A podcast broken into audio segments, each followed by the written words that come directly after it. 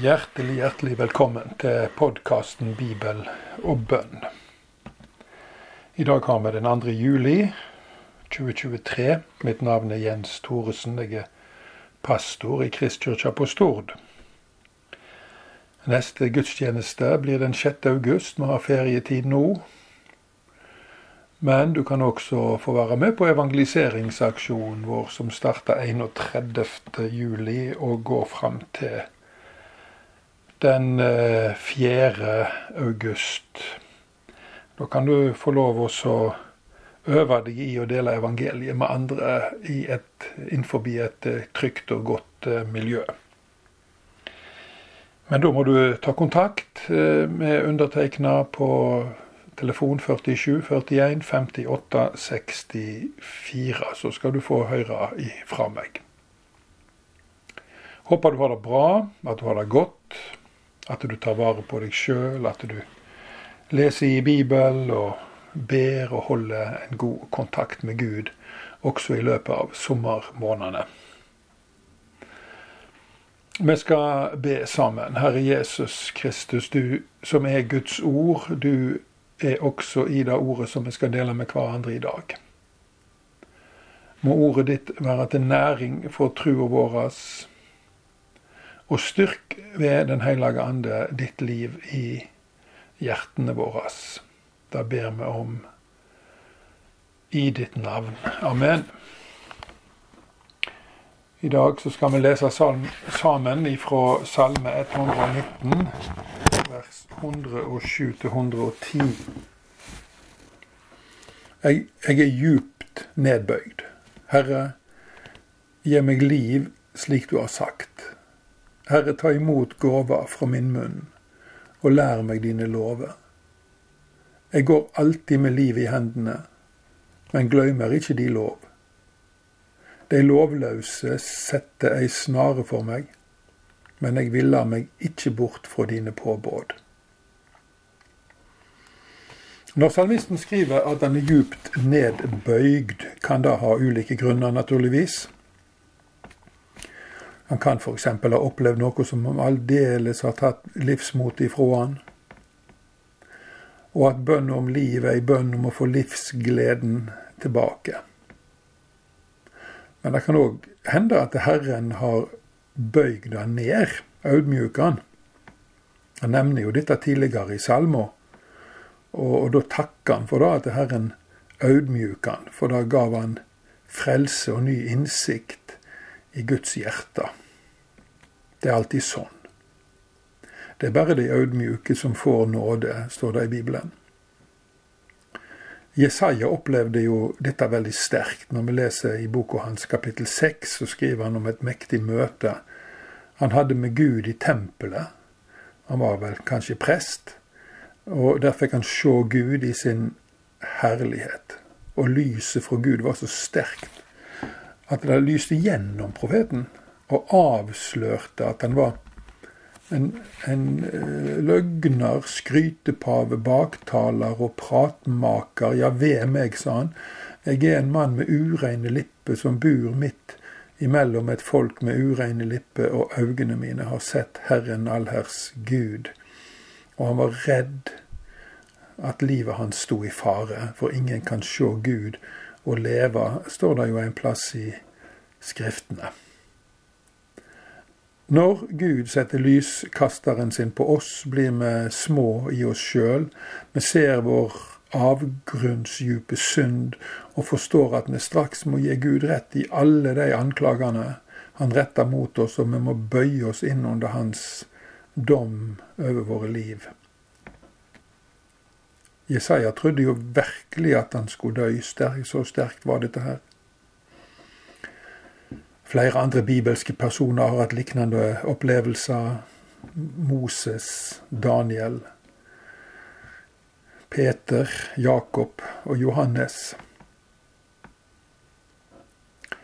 Det kan være grunn til å tro at salmisten vår har erfart det samme som disse. Og han er, han er redd, og han ber Gud om liv, evig liv. Ingen kan produsere åndelig liv. Ingen kan bli kristen av seg sjøl. Uten at vi blir født på ny ved Den hellige ande, forblir vi åndelig døde mennesker. Uten evne til å elske Gud og vår neste i henhold til Guds standard. Da trenger vi Den hellige ande i hjertene våre. Livet fra Gud. Vi fikk dette livet den dagen vi ble kristne, når vi kom til tro på Jesus. Og vi må få det hver dag seinere i livet om vi skal havne vel, vil si hos Gud. Hvor henter vi det hen? Ifra livets ord. For, for det er det Bibelen er. Det er livets ord. Så det er derfor jeg håper at du leser og nære deg. For du lever jo ikke bare av brød, men av Guds ord. Vers 108.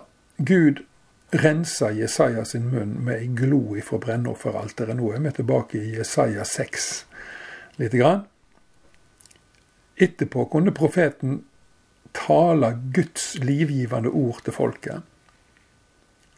Når vi blir kristne, så renser Gud språket vårt, men han gir oss et nytt språk, og vi begynner å tilbe Han og taler profetisk. Det ser vi mange dømmer på i apostelgjerningene. Lovsang og tilbedelse er våre offergaver til Herren, og salmisten ber Gud om å ta imot hans offer, hans munns offer. Og vår lovsang og tilbedelse tar Gud med glede imot så lenge vi er ærlige, sanne og lærevillige mennesker som lytter til Han går på hans veier og gjør det han ber oss om. Men vi må være klar over at uh, den lovsangen og tilbedelsen som bare er ytre staffasje og kommer over munnen og ikke ifra hjertet, vil han ikke ta imot med glede. Så det er sagt. Så vi har alltid en brodd i oss som må leve i vekkelse sann vekkelse, der vi bekjenner våre synder, og der vi priser Jesus for hans frelsesverk, hans død og oppstandelse, for hans hjertelag. Vers 109. Salmisten går alltid med livet i hendene, sier han. Det kan bety, som jeg har vært innom før, at han blir forfulgt.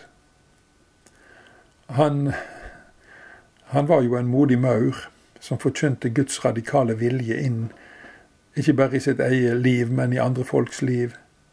Og slikt vekker beklageligvis demonisk motstand fordi vår verden er åndelig. Han er åndelig infisert av vonde makter. Det ser vi så ofte i dette samfunnet. Mange kristne blir drept hvert eneste år fordi de forkynner Guds ord med trufasthet. De blir hata. Og av og til setter de lovløse opp feller for dem, og da er vi vers 110. Og det er for å få has på dem. Det kan være verbale feller, men det kan også være rent fysiske feller, der de leder dem til en plass der de kan bli bli, bli eh, arrestert eller drept uten oppstand. Salmisten vet dette. Likevel så lar han seg ikke vippe av pinnen. Det blir et livsprosjekt for han å leve Guds ord og forkynne det for mennesker. Ikke bare et livsprosjekt, men et livsviktig prosjekt, for i alt har vi med Gud å gjøre og vi er under hans autoritet. Og vi har ingenting igjen for å sette oss opp mot han. Da må alle mennesker i dag merke seg. La oss be sammen. Vår Far i himmelen.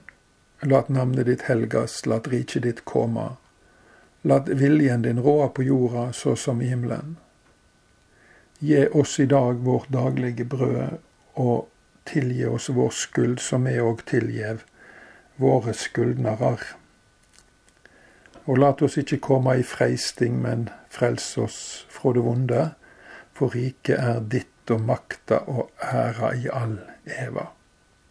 Amen. Ta imot Herrens velsigning. Må Herren velsigne deg og bevare deg. Må Han la sitt ansikt lyse over deg og være deg nådig. Må Herren løfte sitt åsyn på deg og gi deg fred. Amen. Takk for at du tok deg tid til å lytte til Guds ord i dag. Og før du vet ordet av det, så er jeg tilbake med en ny episode. Men inntil den tid, lev vel og tjen Herren med glede. Takk for i dag.